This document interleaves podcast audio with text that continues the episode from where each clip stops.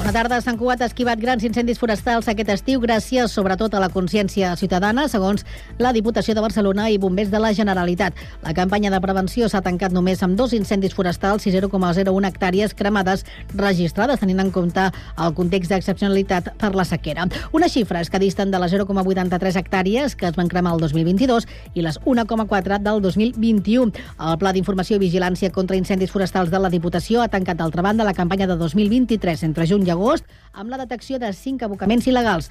També s'ha informat a 391 persones situades en zones forestals de risc en aquest període.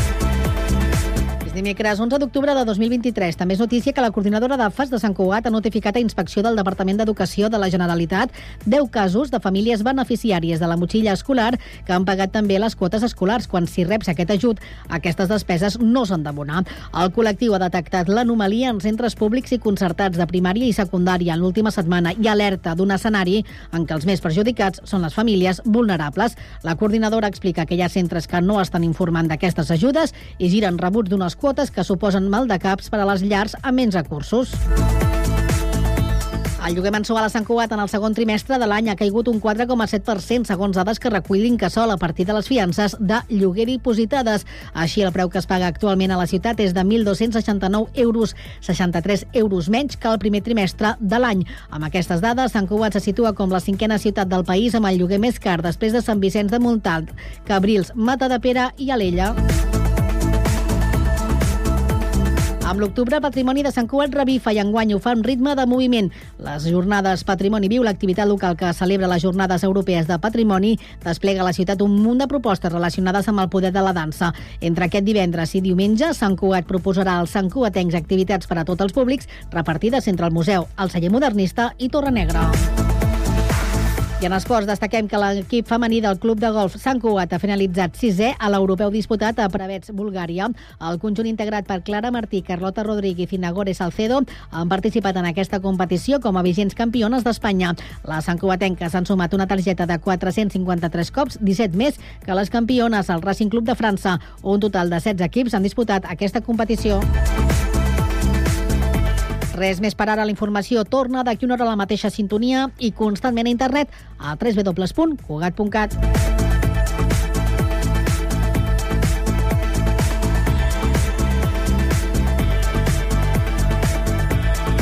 Cugat Mèdia, la informació de referència a Sant Cugat.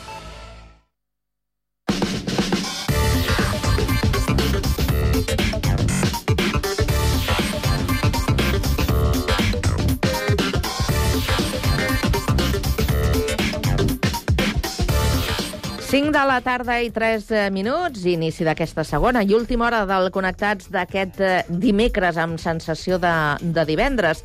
Anem, però, amb la informació de servei. Comencem pel trànsit. Jessica Rius, quina és la situació a aquesta hora de la tarda?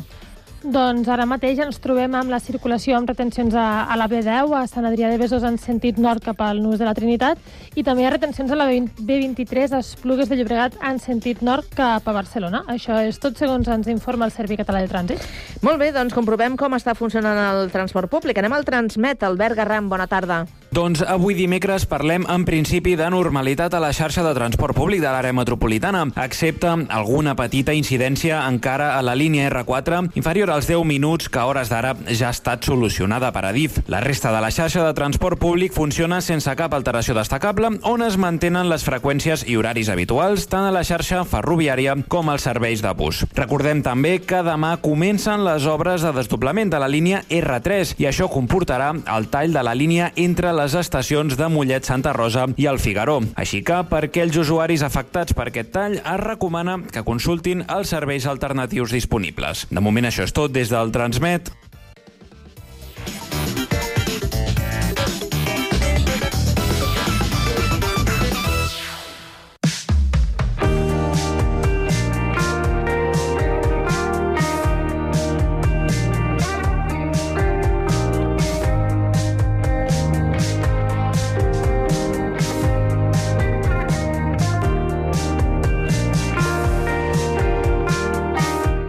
Isabel Serrà Carbonell té 88 anys i és la filla de qui va ser regidor de Cultura de l'Ajuntament de Sabadell entre els anys 1933 i 1938, en Salvador Serrà.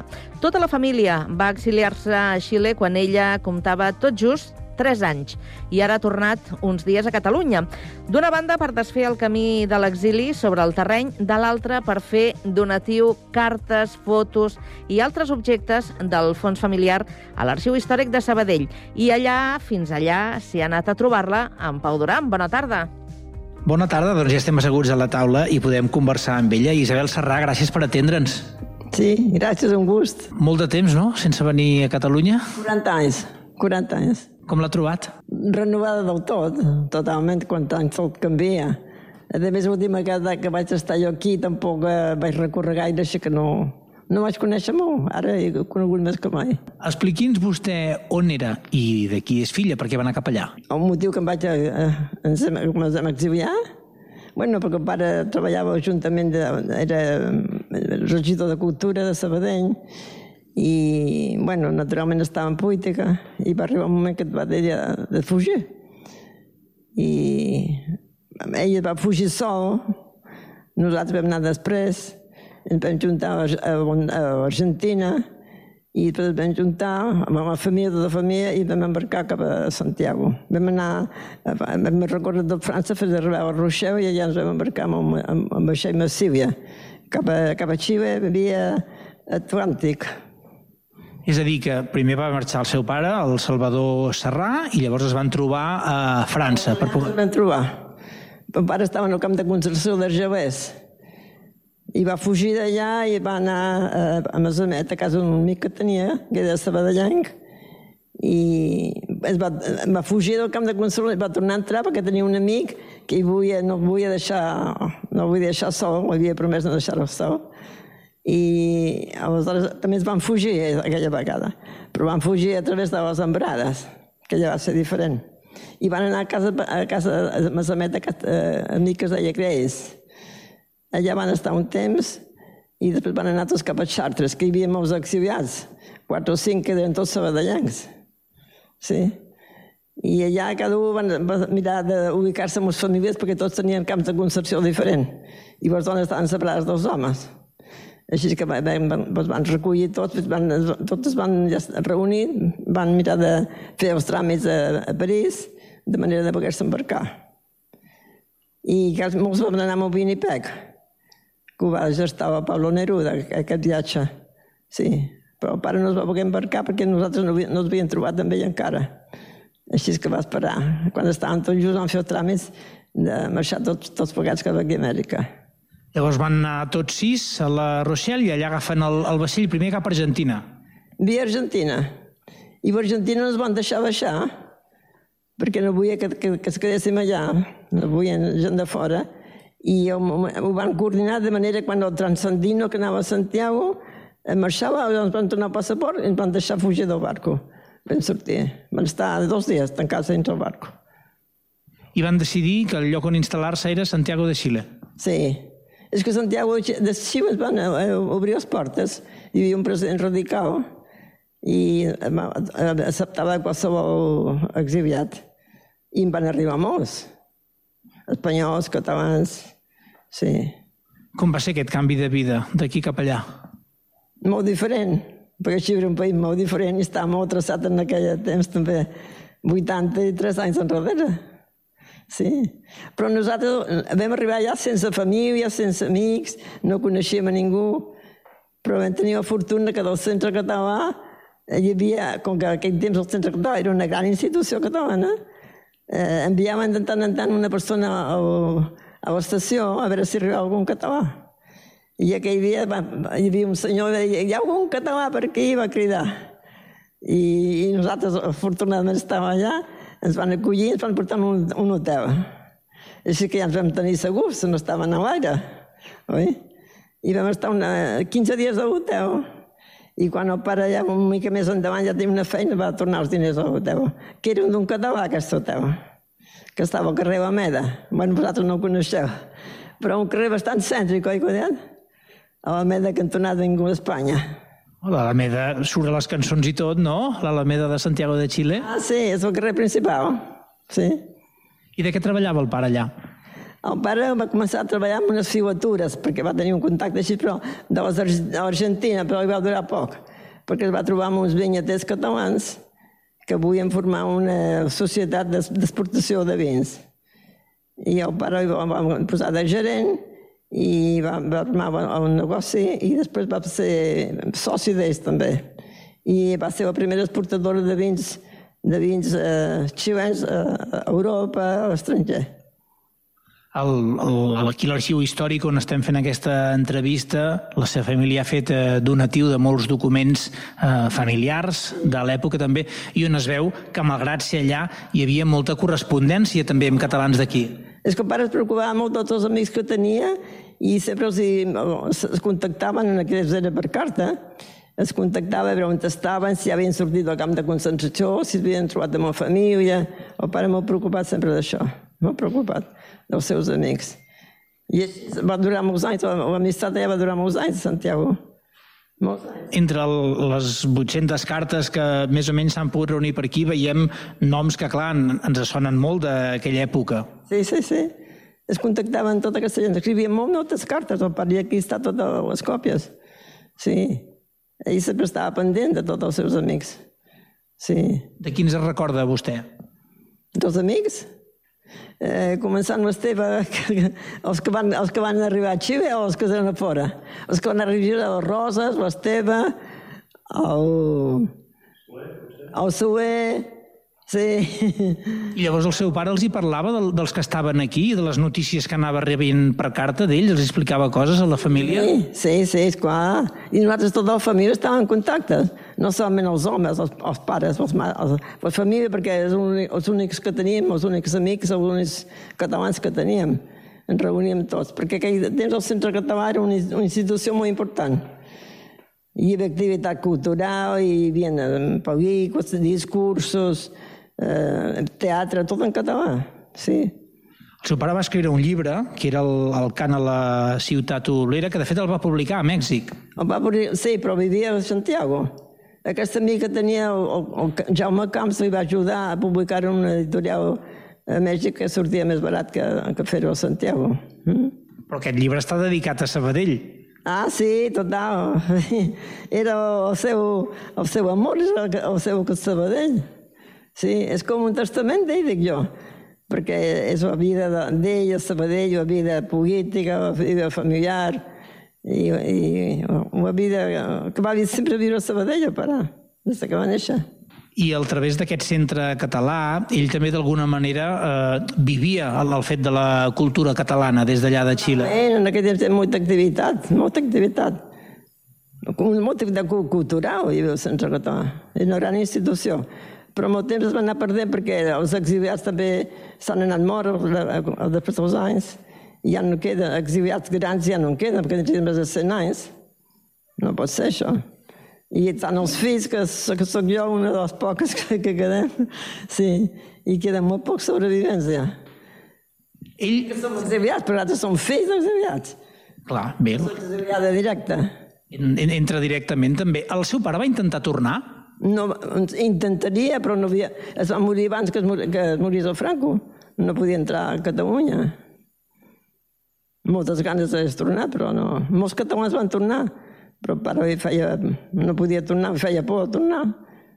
Perquè en un moment, crec que després que van sortir del camp de concentració, he escoltat a dir jo, que els hi van dir que entressin, que no els hi passaria res, i molts van entrar i van quedar enganyats, allà els van, els van afusellar al final. Així que no podia arriscar-se. I fora d'Espanya va intentar veure's amb algú, també, que estigués aquí? Eh, bueno, gent que viatjava, però sempre amb el Serri Moret. Eh, es veia el pare, el Ferreter Mora, persones eh, connotades, sí. Cada català que venia, el pare de seguir estava amb ell, sí. I ara com és que vostè ha tornat cap aquí? Expliqui'ns. Però he tornat, de, estic de passada aquí uns dies, no per quedar-me, no. Ja tinc la meva vida, vida feta així, ja seria difícil quedar-me aquí. Sí. Però en canvi sí que ha fet, no?, com un recorregut que té a veure amb, amb el canvi de marxa que van fer vostès? Sí, sí. Gràcies als meus nebots, que és un d'ells, que van, van, aquest- van, fer aquest, van tenir aquesta brillanta idea de fer aquest recorregut i em van dir jo si us podia acompanyar. I jo al començament deia no, perquè sóc massa vella, ja no puc viatjar, però em van entusiasmar perquè ho vaig trobar tan bonic això i molt emocionant, molt emocionant. Va ser preciós el viatge aquest. A part de que de pena, perquè jo com a nena no ho vaig viure, però el que van, el que van sofrir els pares en tot això. Amb exili, eh, deixar tot, la casa, la família, els amics, i tenir-se a un, un, un país estrany totalment desconegut. És important que puguem conservar aquest testimoni, perquè això van passant les dècades i la gent se n'oblida del que va suposar haver de marxar d'aquesta manera. Sí, però generalment els pares no, no ho expliquen això, que pensen que si ells van passar trist, moments tristos no vol que els fills el passin. I jo trobo que és un error, això. S'ha de saber les coses perquè són les arrels dels pares i també va perquè no, no repeteixen els fets. També és important, això.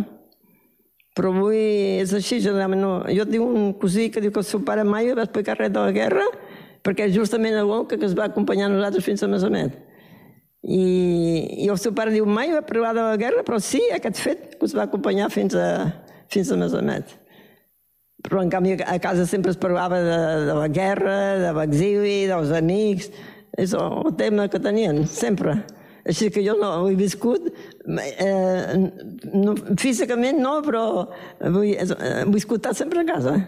I amb tots aquests nebots que diu que han fet el, aquest viatge, ara vostè n'ha parlat de tot això. Sí, bueno, són els fills del meu germà, ell és un d'ells, aquest nebot, sí. Bueno, ells, començant anys enrere, de fa un parell d'anys, deu fer, oi? Que jo vaig fer un relat. No sé si vosaltres ho heu llegit. Heu llegit? No l'hem llegit, no. Oi que va ser seria bonic que ho tinguessin?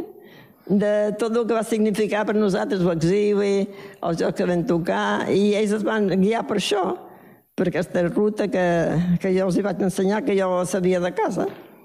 I per això van tenir aquesta bona idea de fer això, per, per seguir els avis, les barres, i, i d'ell mateix, el pare d'ell era, era un noi que tenia 15 anys. O sigui que aquell relat seu ha servit una mica per traçar-la al mapa. Una mica. Oi, Quadet, que per això es va seguir, que jo vaig fer un mapa de França i anava marcant el- els jocs que vam tocar i vam seguir exactament fins a arribar a Rochelle. Sí. Escolti, Isabel, i a Santiago vostès escoltaven música catalana?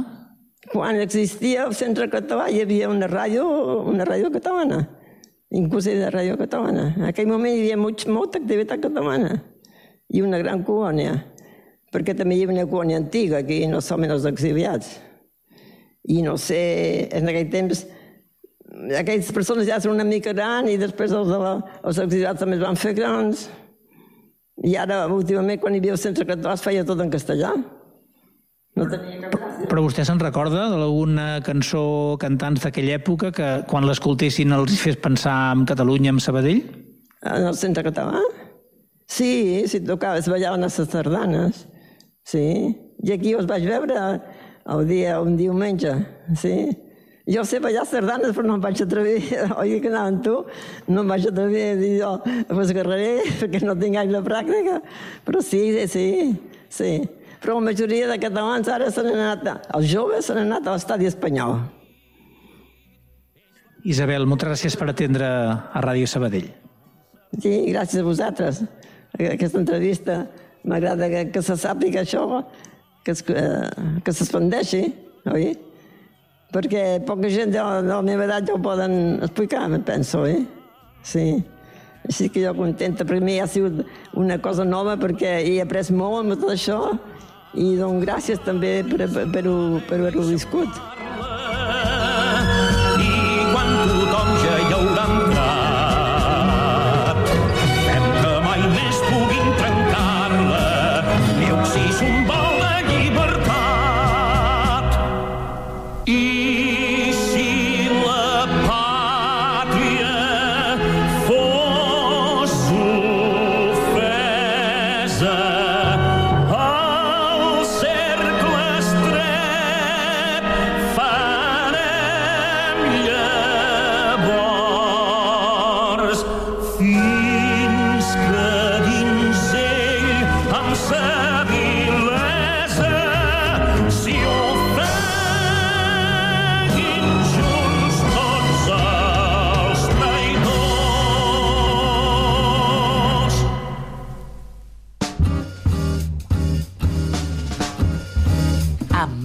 Molt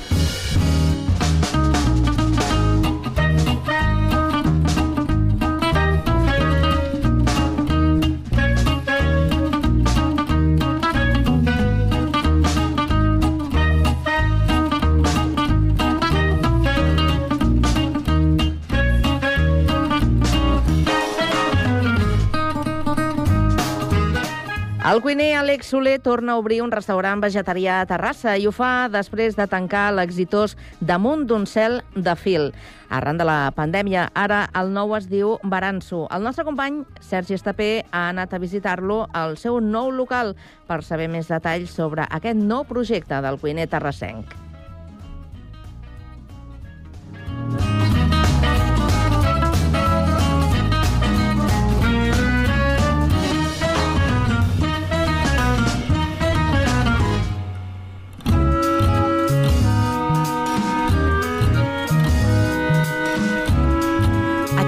Podcast és una producció de Ràdio Municipal de Terrassa.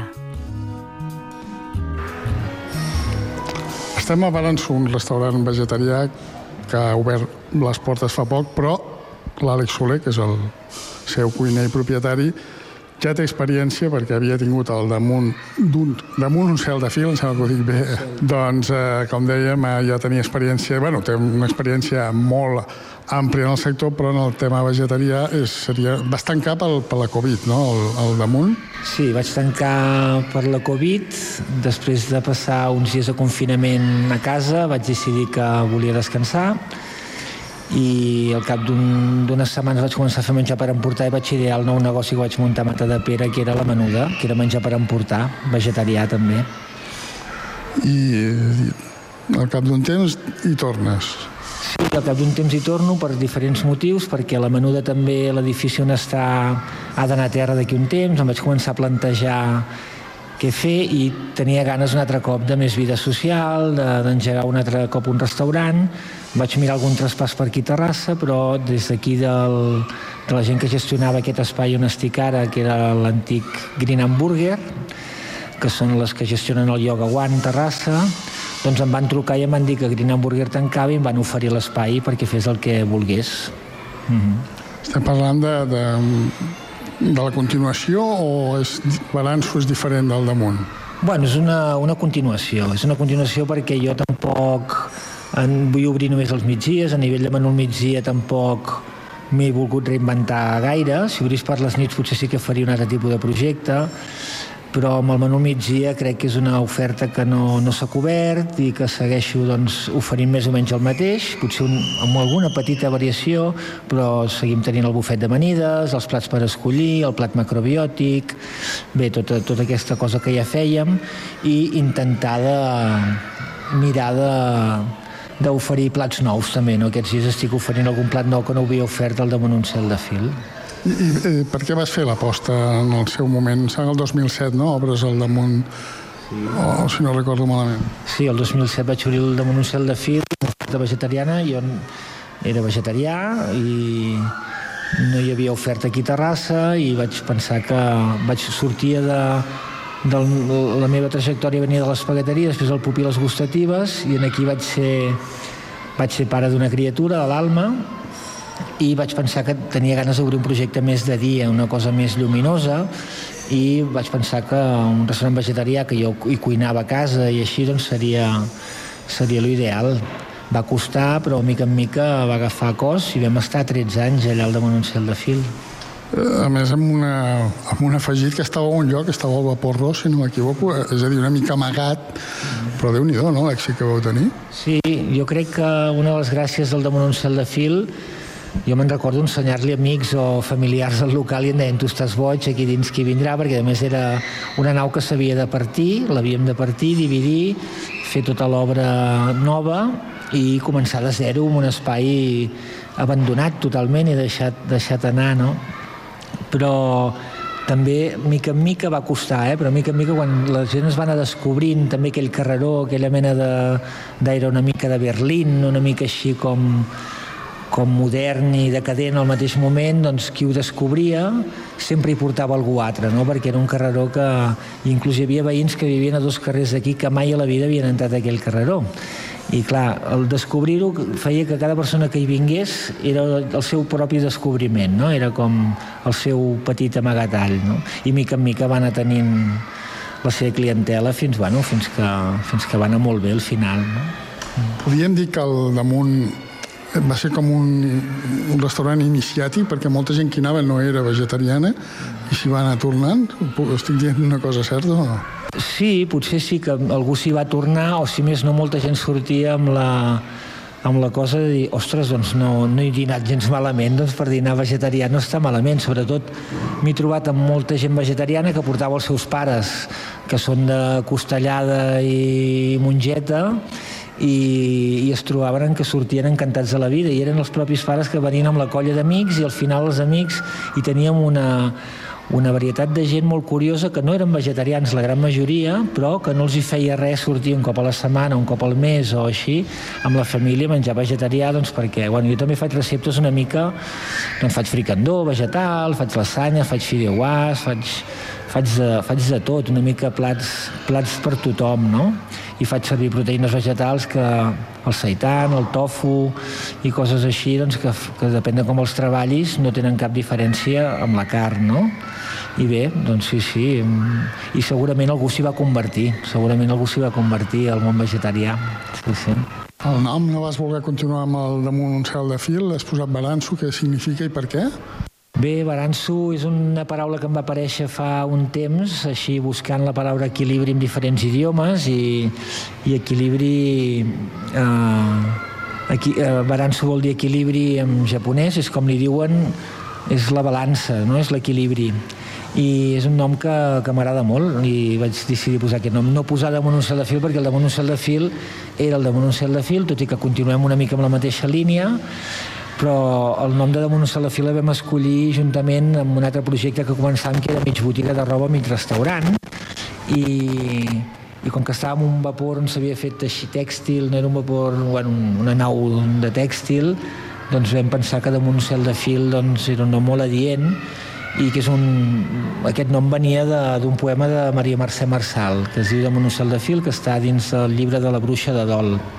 I un dia en una reunió, una noia portava aquest llibre, la Sara, i va treure i vaig dir és un nom perfecte per, per aquest restaurant i, i en fi, així es va quedar.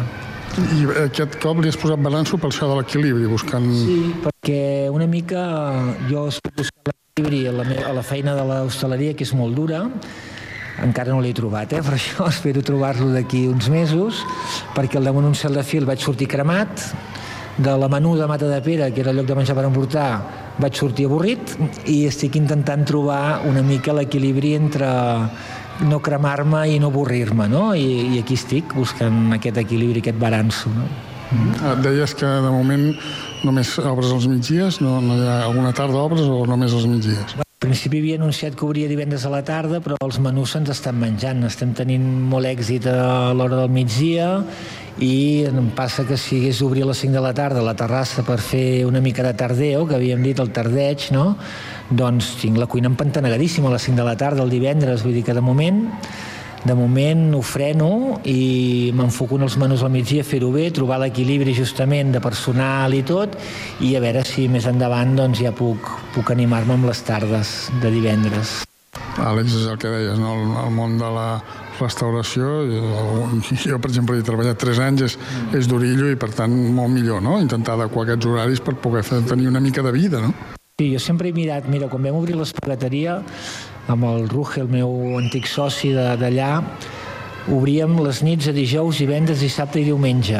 Obríem 20 hores al públic i, i ens donava en aquell moment els 1.000 euros que necessitàvem per, per viure, no? Uh, vull dir que de vegades a l'hostaleria estem acostumats a que ens l'hem de trobar oberta de dilluns a diumenge, sacrificar-nos, um, donar hores inhumanes als nostres treballadors i treballadores, no? matxacar-nos i, i no, no té per què. No té per què perquè en veritat com més hores fas més treballadors necessites, més equip, tot val molts diners, l'Estat ens cobra molts diners per cada treballador o treballadora, vull dir que en fi que al final es tracta d'adequar-te... Mira, el, el damunt un cel de fil obríem de dimecres a dissabte i les nits de dijous, divendres i dissabte, no? Vull dir que també la gent deia, home, com que no obriu el diumenge, com que no obriu el dimarts, com que no obriu això, com que no feu esmorzars, i al final dius, bueno, surt el sou, puc pagar tots els meus proveïdors, puc pagar tota la meva gent que treballa amb mi, doncs aquí s'ha acabat, s'ha acabat el broqui, no? perquè clar, per obrir, pots obrir, pots fer after hours si vols, no? Vull dir que, que és això. Al final és buscar aquest equilibri, no? I a Terrassa com estem de, de restaurants del sector? Potser en falten, no? Sí, jo crec que per ser la tercera ciutat amb més habitants de Catalunya, doncs penso que a Sabadell hi ha molts més. Uh, a Barcelona, per descomptat, per Rubí potser ja en tens dos, a Sant Quirze en tens dos o tres. A Terrassa, no sé, han arriscat sí que han obert um, la, Revo- tenim la Revolta, tenim el de l'Off, tenim el Grífolls, no? que, funcionen, que funcionen molt bé, però ofereixen una línia, diguéssim, més healthy, no? que es diu, no? una mica de carns suaus, peixos, no? i així, sempre oferint una bona, una bona línia vegana o vegetariana no? per, per aquests que ho siguin. I no sé, suposo que tard o d'hora, ara teníem fins fa, fins fa uns anys hi havia el Gat Vegà, que estava aquí al carrer del Vall, que era un petit llogarret que era una hamburgueseria vegana que ho feia molt bé. Vull dir que han anat provant fórmules, però tampoc això. Vull dir que jo de moment, de moment ara sóc el, sóc el restaurant vegetarià de, de Terrassa, no? I ara diríem que vegà, perquè estic cuinant tot cuina vegana, per tant, no utilitzo cap producte animal i, i, bueno, i la gent no es queixa. Tens menjar per endur, també? Sí, tinc tota, tota la infraestructura que tenia la menuda per endur, totes les capsetes i tot el que tenia, doncs ho mantinc aquí i si algú vol ho pot venir a buscar, que ja ens passa, eh? Jo ho faré per endur, doncs li preparo, em truquen al matí, els hi preparo el menú i venen a la una o l'hora que vulguin i s'ho emporten cap a casa. I el domicili l'estem estudiant també ara, també estic en por de, de, de publicitar-ho i que se'n mengi una mica també, vull dir que mica en mica anirem, anirem fent. Tu com veus el moviment? Va, veus que va creixent? Més, més gent que s'incorpora al moviment vegetarià, vegà o com vulguis dir-li? I tant. Eh, el sector està creixent moltíssim. Només cal veure com funciona el Vegan Fest aquí a Terrassa, no? que és el festival més gran de tota Europa del sector. I, um, et trobes una varietat de gent impressionant, famílies senceres, amb criatures, avis, no? i et trobes de tot i tot i que no tothom qui va és vegà, sí que està creant molt interès perquè la gent evidentment està veient um, molt tema de les granges massives, no? de, del maltractament animal, i jo tampoc intento mai ficar-me en política, eh, entre cometes, amb això, però sí que està clar que, que cada cop hi ha més consciència i també cada cop està sortint molt més producte. Hi ha molta gent que està treballant molt a fons i molt, molt bé la proteïna vegetal, mal li pesi a mi o a algú no, que s'hi sembli cada cop més a la carn. No? Vull dir que ara estan fent unes hamburgueses que realment si no ho saps no notes la diferència en absolut amb el que és una hamburguesa de vedella el que és una hamburguesa de proteïna vegetal. Mm. Doncs Àlex Soler, el cuiner i propietari de, de Baranço, d'aquest nou, aquest nou projecte que has engegat, gràcies per obrir-nos les portes avui del teu restaurant i aviam si un dia puc passar i, i provo tots aquests productes. Moltes gràcies a vosaltres per comptar amb mi. Merci.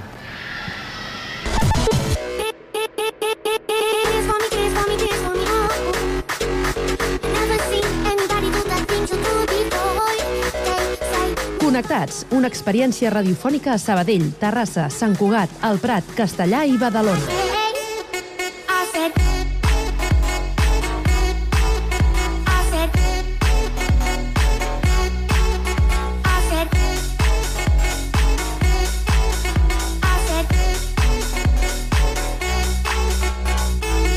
Connectats amb Carme Reverte.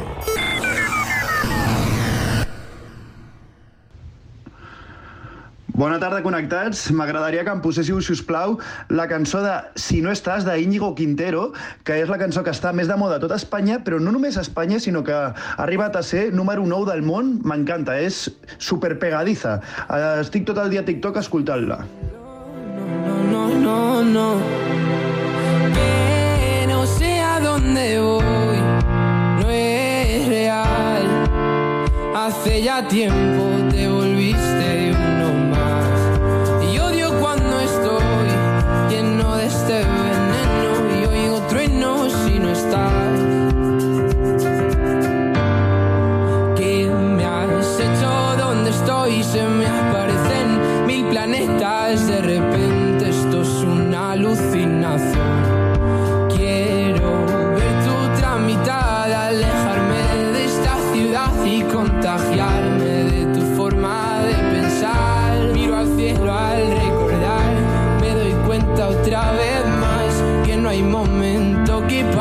sin dejarte de pensar. Esta distancia no es normal, ya me he cansado de esperar. Dos billetes para amarte, no quiero ver nada posible, es demasiado tarde. Todo es un desastre, esto es una obsesión. No me sirven tus pocas señales, ya nada es como antes, me olvido de quién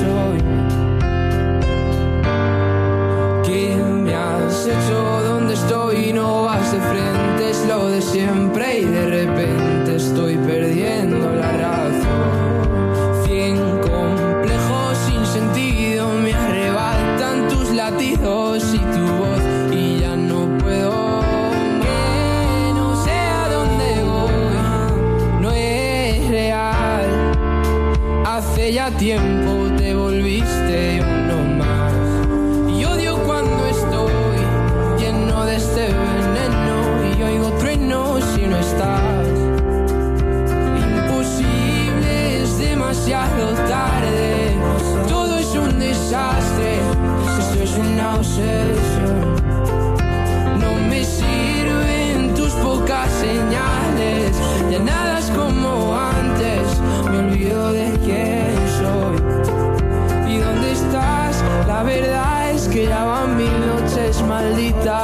abrazo.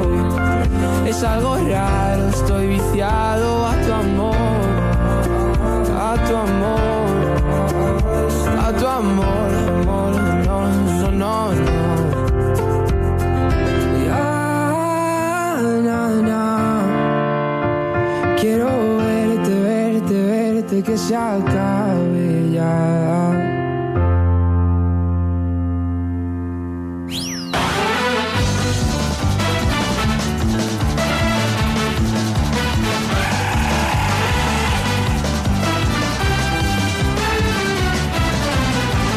Coses I d'Anna. am Francisco Vasquez Garcia. I am welcome to Alemania.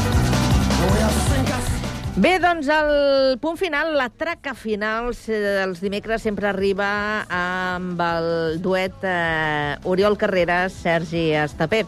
Al Sergi ja l'he donat temps de tornar de la seva visita avui per parlar-nos eh, de Baranso, aquest eh, restaurant vegetarià, i ara ens parlarà de la figura de qui ens va deixar recentment aquest eh, periodista esportiu podríem eh, qualificar que doncs, eh, va crear un estil propi en el món de, de la ràdio, en el món de la publicitat. Em refereixo a Pepe Domingo Castaño. Senyors, bona tarda.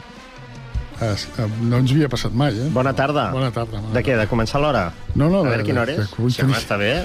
Avui... Estem a l'hora. Bon dia, Carme. Bona tarda, vull dir, bon, Bon dia, no? Bona tarda, bona tarda, sí. Bueno, Tancar la porta? tancar la porta... El que no ens havia passat mai? No, que vull dir, avui som tres a l'estudi. Ah? Hi ha un senyor que està fent Bueno, unes, unes reparacions. doncs el Jordi Rueda, que està al control de vies de so. Som quatre, eh? Molt bé, escolta'm una cosa. Què, Què, de què, em què? vols parlar? Bona tarda, bona tarda, Ja hem bona dit tarda. bona tarda Ah. tres vegades. Va, què? No, que avui, avui ens hem de posar seriosos una miqueta. No, home, no, estàvem fent broma, eh? Estàvem Eh? fent broma, que estàvem Quina- fent broma. Però, cony, però si dic que hem de ser seriosos, ara tu dius Per això? per això m'ho has ah, dit, doncs seguim fent la broma, broma. seguim Ah, fent la broma, jaja, jifi. No, escolta, escolta, Sergi, Sergi. Digue'm, digue'm. Fa uns dies ens vam assabentar de la malaurada notícia del traspàs de Pepe Domingo Castaño, te'n recordes? Sí.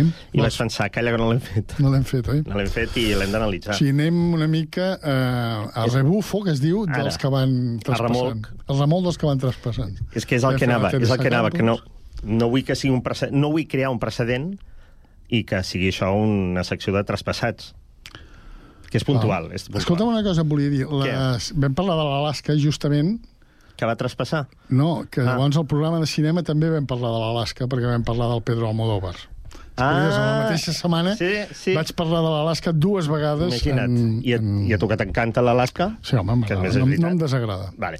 Doncs vinga, Pepe Domingo Castaño. Cada uno de los que están ahora mismo en su casa en esta tarde del domingo están haciendo sus planes para pasar una tarde feliz. Algunos se van a quedar toda la tarde en casa. Vamos a tratar de animarles un poquito la tarde con una, con una serie de mujeres que hoy hemos reunido en Voces a 45 que además tienen cada una un estilo totalmente diferente. Hoy el programa está dedicado en Voces a 45 solamente a ellas. Ellas son... Com diries que es deia el programa? Uh, Voces 45. Voces 45. Voces 45. Doncs uh, aquest Però això programa... era la, la ràdio Eh? o la tele? Eh? Era ràdio o tele? Tele, tele. Tele. Ah, bueno, és que quan he vist els aplaudiments- No, perquè, perquè és que, aviam, ens han inundat de, de recordatoris del Pepe Domingo Castaño de la ràdio. Pepe, un de la- i aquelles coses. Ara, però ja, ja ho tocarem, això, ja ho tocarem. Uh -huh. Però el Pepe Domingo Castaño, Va començar fent altres coses. el Pepe, va estar a la tele, també. Uh -huh. Sí, va fer els 40 principals de la ràdio, també, però a la tele eh, també va fer una petita incursió, però en, en aquest programa, que, a més, ell era elegantot. O sigui, ja, ja de gran també era Feia patxoca, Feia patxoca, tenia alçada, tenia allò, Sí, sí, presència... sí. Bona veu. Bona veu, bona veu, bona veu. Uh, nascut Bona a veu. l'Estrove. Estrove? L'Estrove, No és Eurove. eh? D'on és això de l'Estrove? Allà, a, a Galícia. Però no, no és A Ogrove? Grove, Grove. Ogro- Ogrove. M'he equivocat, m'he equivocat, perdó. Ra, I has estat a Ogrove? Uh, no, no he Jo sí. tingut... Sí, i què tal? Doncs em vaig fotre una mariscada Ah, sí? impressionant, sí. Molt bé. Doncs uh, Pepe Domingo Castaño era, era molt conegut en allà, en el seu poble. Està al costat de la Toja, a De Toixa, la to Exacte. Que també hi he estat. També. I què tal? Bé, També vas menjar allà molt bé? és on fan els sabors, de la Toja. Ah, molt bé. Ah, sí, sí, és veritat. Doncs això, que se l'estima molt en allà, i, i de fet després descobrirem una, una cosa que també tinc al document. Uh, obre la porta, la porta. Uh, aviam, uh, a banda de- d'aquest programa de Voces 45, en va fer un altre molt conegut on van passar altres Bienvenidos como cada presentadors. semana a esta casa grande que es 300 millones. Si continúan con nosotros durante una hora, tendremos para empezar a la italiana Rafaela Carrà, nuestra invitada especial de hoy en 300 millones, pero cantando en español. Luego nos daremos un paseo por la Salamanca de Ah, que sembla que estigui al safreig, però és per... 300 millones, la canción de 300 millones que se unen en un programa de habla hispana. Per què? Per què? Aquest programa el veien... Clar, teòricament era que per la unió de els- l'Espanya Espanya... i l'Espanya latina. Ai, no, l'Amèrica latina. La Bueno, cal dir, cal, dir, cal dir que sí que és veritat que la seva trajectòria va començar a la ràdio, vale? però ara estem tocant... eh, Temes musicals. Pinzellades, uh, pinza, sí, exacte, pinzellades, uh, diguéssim, de la tele. Perquè és que jo no, no ho vaig veure, això. O sigui, em Domingo era cognom o era Pepe, José Domingo, com José Luis? O... No, no, home, per què no m'ho dius? Domingo què? Oye, ell era José Domingo Castaño, Sí, però sí. hi havia un segon cognom? Castaño. O era Domingo era el primer que... Castanyo és el segon. Ah, val, Domingo és el primer Val, val, i és Pepe el que volia i Pepe és el nom. Clar, és com si tu et diguessis Josep Lluís Carreras. Que s'agraeix que, es- que fos Pepe i no fos José María, García. saps? Que es diu José María. Es deia Ah, José María. José María Domingo Castaño. Vale, seguim. Uh, és que José María García Casa li deien Pepe, també, o no? ah, sí? No sé, pregunto, eh? Pepe, No, però- un momento... Però li deien així? No sé, em pregunto. Com li deu dir la dona? La dona, la Montserrat. Josec. La, la seva dona es diu Montserrat. Josec. Josec, Josec. Josec. Perquè és catalana. Sí. Ho sabem, això, no? Bé, ell sempre ho deia. Sempre. I catalana... ¿Cómo voy a ser Como anticatalán si mi mujer se llama Ara, Montserrat? ara. Això no té res a veure, perquè pot ser de, de León, de León, Montserrat o exacte, Núria. Exacte. Bueno, doncs O el al Castanyo, revés, el Pepe... de Berga i dir-te Sí. sí. Zasco. El diumenge era molt conegut eh, per... No venia a cuento. Eh? No venia a cuento. No digue, m'agrada dir coses que... Sí, no, està bé, Sí, està bé. És que si no, no seria la secció. Exacte. És que... Bé, doncs això, era un gran comunicador. Uh, de fet, uh, se'l coneix per això, per les, els anuncis publicitaris, que ja ho tocarem, si Sí. dona temps, i si no, doncs ens ho saltem i ja està. Uh, però és poc conegut també perquè va fer el salt als escenaris cantant una cançó. Sí, sí, sí, sí. sí, sí. La tenim? La tenim? Sí, sí, sí. La tenim. és necessari que... Su, su, Sí, sí. Fa ràbia, això, eh? Fa molta ràbia. Fa molta ràbia, eh? Aquella gent que diu, sí, quan li, tu li negues algú, diu, no, no, sí, sí, Passats, sí, sí. allò que dius, bueno, va, doncs I no, sí. no, no, hi ha la versió, no, no, no, no. A veure, no. provem-ho, a veure. Provem? No, no, No, no, no, no, no. No, no, no, no, però fan un no. No, no, és com com el tenis. No, no. No, però primer fan un no, no, no, no, no, no, no, no. fan un avís. Bueno, doncs, Mogollón de Amigos, que és el gran temazo que a més va en arribar... sèrio, no? Mogollón de Amigos és el títol. Que gran, que gran, Va Pepe, arribar que número gran. 1 a les llistes de... Va de... fer el Ramon Arcusa i el d'allò, no? El No, no, és seu, és seu. Ah, és un tema. Mira, escolta'l. Necesito amigos en quien confiar. Temazo. Vete conmigo, necesito Un altre ingenu que creu en l'amistat. Molt bé. És un temazo. Sí. Això va ser a la franja dels Felicito anys, amigos, eh, de la dècada dels 70. Sí, un temazo, temazo. Sí, sí, sí. Um, Ja està, no em va... La seva incursió televisiva i la seva incursió televisiva... No, no, no, artística. Uh, es va acabar aquí. Es va, ara, això ja ho escoltarem. Mhm. Recordem, Televisió Espanyola, anys 70, després, als anys 90, se'n va anar a Telecinco, sí? finals dels 90, sí, i, uh, bé, No anem a tocar el tema. A la Telecinco no el recordo. Sí, va fer el, el Los Número Uno, un programa que va durar, doncs, Un, un, número, un o dos. O, o dos números. Bueno, escolta, et deia que en el poble aquest de Galícia se l'estimava molt. Ogrove. Eh? Ogrove? Le, leng, uh, Ogrove, Ogrove. És que ho he dit malament, perquè ho he escrit malament. Ah. No passa res, no passa Però res. és Ogrove, segur. Sí, sí, és Ogrove. I has estat tu? No, però es menja molt bé. Es menja molt bé. Doncs, uh, mira què li vam fer. Restaurant a revolta, eh? Escolta, El Ayuntamiento de. Padrón acaba de aprobar por unanimidad el cambio de nombre de la Plaza de las Travesas, donde Será en directo, ¿eh? Tiempo de juego. por el de Plaza de Pepe Domingo Castaño. Te digo, Anava. me da un poco de miedo, ¿eh? Mira, mira. Això... Primero porque yo dije que no quería calle. Pues toma plaza. No, no, escucha, que yo no quería calle, que cuando me muera que me la pongan, ¿no? Pero cuando me sugirió el alcalde esta plaza, Bueno, és que no s'ho acaba. ahí es donde Que- yo jugaba. de que- pequeño. Saps qui era el que parlava, no? O sea, ahí está Aquest és el Pepe, l'altre és el... El comienzo el Paco de González. todos los sueños. Entonces, Personatge bastant detestable. Sí, T'has quedat amb el que he dit quan jo, pre, uh, uh, que hagués preferit que l'haguessin fet quan s'hagués mort. Uh Això era setmanes abans de la seva mort. Ho dius en sèrio, no? Fort, ahí, eh? voy a creer que estoy muerto. No parlant de la muerte, muerte, muerte. O sigui, jo en aquesta secció deixaria de parlar de traspassos i morts. Sí? Home, clar. Eh, Què parlem, de gent que no, deixa estem encara? invocant... Estem invocant la mort. Estem... Bueno, el cas és que té la plaça el Pepe Domingo És- és- De Castaño. totes maneres, això passa, eh, que hi ha gent que es mor, Sí, eh? sí, sí. No, no, això passa i, i passarà. Sí, sí, perquè passa. tots hem d'acabar el Passa, sot. ha passat. Tots hem d'acabar el sot. El sot o el crematori. Però eh, n'hi ha que són supervivents, com és el cas de... És un programa de televisió. un gran comunicador, que és el professor Sebastià Darbó, que arran de la mort de Pepe Domingo Castaño va dir això. Atenció a aquest fragment, que és del programa versió rac que hi ha una imitació de, del Sebastià Darbó, que és Ah, l'Oriol no Cruz. No, no, no, però el que diu ho va dir Sebastià Darbó. Atenció. Llegeixo, eh? El condol que he posat al meu Facebook. Això és veritat, Ha eh? mort un vell company meu de la ràdio, Pepe Domingo Castaños. Castaños, als 70 diu, eh? anys, als anys 70 treballàvem els dos a la SER. Que ja li dius Castanyos. Castaños. Quan es de, el, Sí. Com el coneixeu, amb Pepe Bueno, Domingo deixa- Castaño. deixa parlar, espera. Als anys 70 treballàvem els dos a la SER i ell feia col·laboracions en programes musicals a Televisió Espanyola on també estava jo filmant-los. Ell era un locutor, presentador, Sí, no era un periodista. S'aprofita de que l'altre està mort per Amb el parlar d'ell. A la ràdio va passar a fer programes esportius de futbol. Ell era madridista i jo culer. Ell va inaugurar un nou estil de cridar i cridar davant del micro. Se diu que cridava Pepe Domingo Era algo Castaño. horrible. Això el dia Però el després de de la mort de Pepe Domingo el Castaño. primer Sí, sí, sí, sí. Ondas Això està, a l'escrit. Els dos al Total, any. acaba dient, acaba dient que... mm, Diu, ell està mort i jo no. Estava molt bé amb ell. en sèrio? Jo encara estic aquí. Però escolta una cosa, ell, el Sebastià Darbó, que parla de coses rares, no, Sí. no se li apareix. Bueno, clar, que vagi jugant. Que vagi jugant. purito. Que vagi jugant. Bueno, anem a escoltar el, el Pepe Domingo Castaño amb això Va. del purito, no? Amb la publicitat. Mira, escolta, hem fet un recull, eh? Escolta, mira. Comienza tiempo de juego. El de los goles, el de la emoción, el del espectáculo, el de siempre, el clásico, el único, el veterano, el del sonido imprescindible, el de la cadena ¡eh, eh, eh, Cope. Tiempo de juego. Ron Areucas, ese ron canario.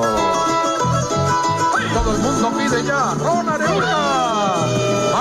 Más de 125 años de historia para que la disfrutes en tu cubata. Tu próximo cubata con Ron Areucas. I llavors, en el Tiempo de Juego, que és un el que programa carrusel... mencions? Ah, exacte, en el carrusel... Que això ja ho feia antes Amb el Joaquim Vicente- Prat. Sí.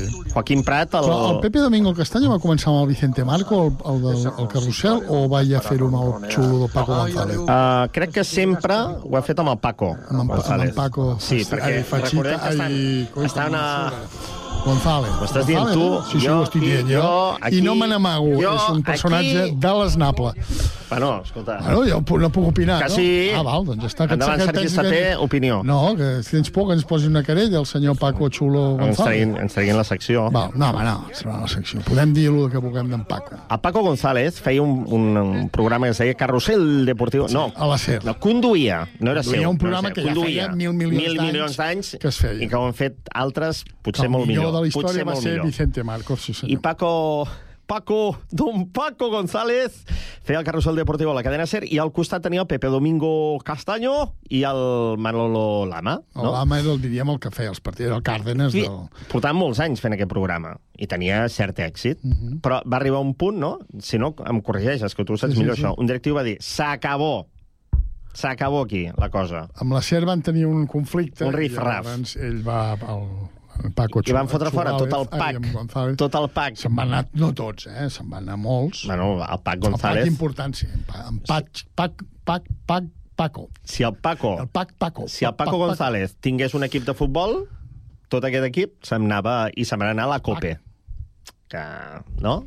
Això quan a la guerra hi havia franc tiradors els deien els pacs, perquè quan disparaven se sentien pac, pac, pac. No, no és broma, això. T'he tocat el punt feble, veig. No, no. Que sí, que no, Va, vale. Eh, són apunts dintre els, la secció que fem sempre. Bueno, no s'anava a RAC1 i Catalunya si Ràdio, sinó a la un dia Cope. que anàvem amb Què cotxe, explicar jo? 50.000 a la Jo? família, sí. Jo? Jo no puc explicar això. Jo no vaig explicar... Jo? Sí. Repassa biblioteca. Doncs ho trobaré. No, busca, sí, no, sí, sí, sí d'esperar tot el que has de trobar. Uh, temps. doncs això, anar al Tiempo de Juego i Pepe Domingo Castaño pues, temes l'acompanyava. Ja està, ja, la és que no ho sé, Per perquè què? els has tret tu, els has Ah. tret tu. Bueno, en fi, doncs eh, aquesta és la figura... La, eh, hem fet la glosa de Pepe Domingo Castaño. No tenim més, eh? Ja està. Ja està. És que, clar, jo, a mi se'n treuen les... No, és que a mi se'n treuen les ganes. Amb la samarreta que portes, a mi també se'm traurien les ganes. Què passa amb la samarreta? Que és de les més lletges. Saps que hi ha una samarreta? Que em portes de xules, eh, doncs aquesta. No, no, doncs ara, ara et diré una cosa. No, no Diré- te la treguis, no te la treguis, no, la no, samarreta. Ah, Ah, deixa'm no. dir de què és aquesta samarreta. Saps de què és o no? No. De la sèrie mítica dels 80, El gran héroe americano. De les... Ah, sí, sí, allò que ell... Doncs ell- ara et diré una cosa i és veritat. Hi ha William Catt. Ah, temes personals no, No, no, no, no. Doncs traiem els drets bruts? Els traiem. Hi havia una, una samarreta que portava un dia que em vas dir, aquesta samarreta, uh, com ho vas dir, és fastigosa? Ah, sí? Sí, sí, em vas dir, no, no m'agrada gens. Vull proves. Ho has dit dos dies. Proves. Saps que no me l'he tornat a posar mai més? que a mi falta que em diguin cosa. Que Sí? jo, home, tu ets com un germà, Sergi. Ah, sí, el germà, el germà Jové. Uh, tornem a setmana dels Monty vinent, Python, no? una dels Monty Python, em vas dir, aquesta No va no, no m'agrada gens, de, de la vida de Brian. Ah, I em vas dir que no... no me'n recordo, no me'n recordo. Jo sí que me'n recordo, i no me la I poso la setmana vinent, va, vinga, va, home, què importa ara aquí la samarreta? Què importa la samarreta No mi importa la samarreta del carrera? Ah, Avui no us faig fora, eh? No tingueu pressa, però ja, ja marxareu. Jo de moment us dic que fins la setmana que ve, d'acord? Vinga.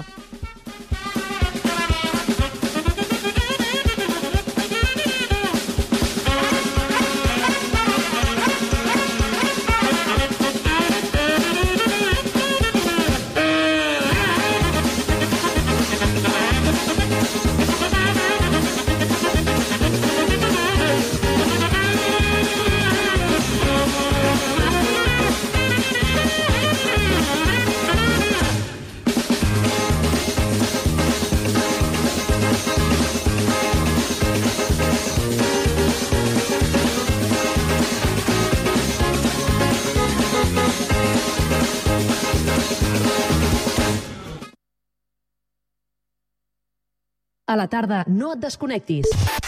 A la teva ràdio local, connectats. Can't touch this. You can't touch this.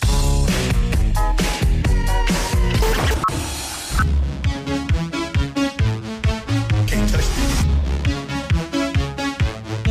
Can't touch this. Connectats amb Carme Rebel.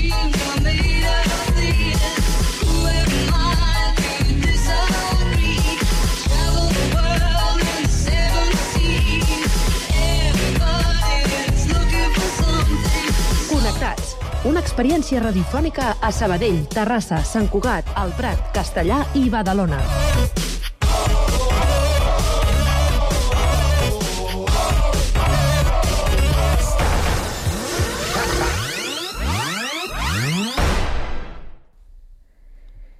Bé, doncs, eh, fins aquí arriba l'edició de dimecres. Un dimecres eh, que ja us deia abans que sembla una mica divendres, però que mm, ens donarà doncs, un dia de, de descans. Demà no hi haurà connectats, però sí que tornarem divendres, com sempre, puntuals a la cita amb vosaltres a partir de les 4 i 3 minuts. Per tant, els qui demà feu festa, aprofiteu-la, descanseu, feu allò que us vingui de gust. Divendres ens tornem a trobar aquí. Gràcies a tots. Adéu-siau.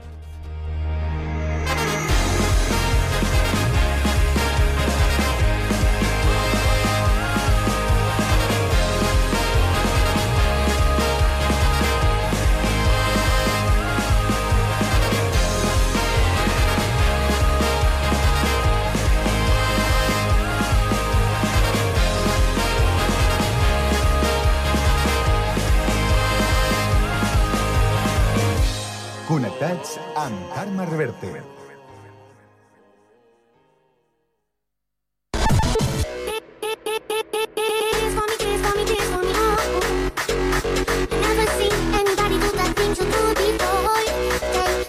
Connectats, una experiència radiofònica a Sabadell, Terrassa, Sant Cugat, El Prat, Castellà i Badalona.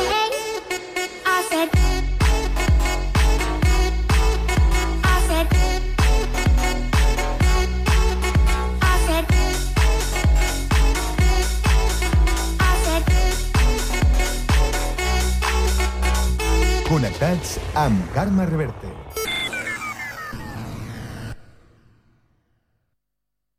No és el mateix ser els integrants del millor grup de la història que ser el millor grup de la història. Per això, el grup català Occident serem Occident, perquè per continuar assegurant-ho tot, tot i tot, ens havíem d'ajuntar tots, tots i tots. Entra a seremoccident.cat. Cocodril Club. Si t'agrada la bona música dels anys 60, 70, 80, escolta Ràdio Sant Cugat els divendres a la nit de 10 a 12. És el temps del Cocodril Club, tot un clàssic de la ràdio. Recorda, divendres, de 22 a 24 hores, a Ràdio Sant Cugat, 91.5 FM. Cocodril Club, el programa revival de l'Albert Malla. Hasta luego, cocodrilo. No pasaste de caimán.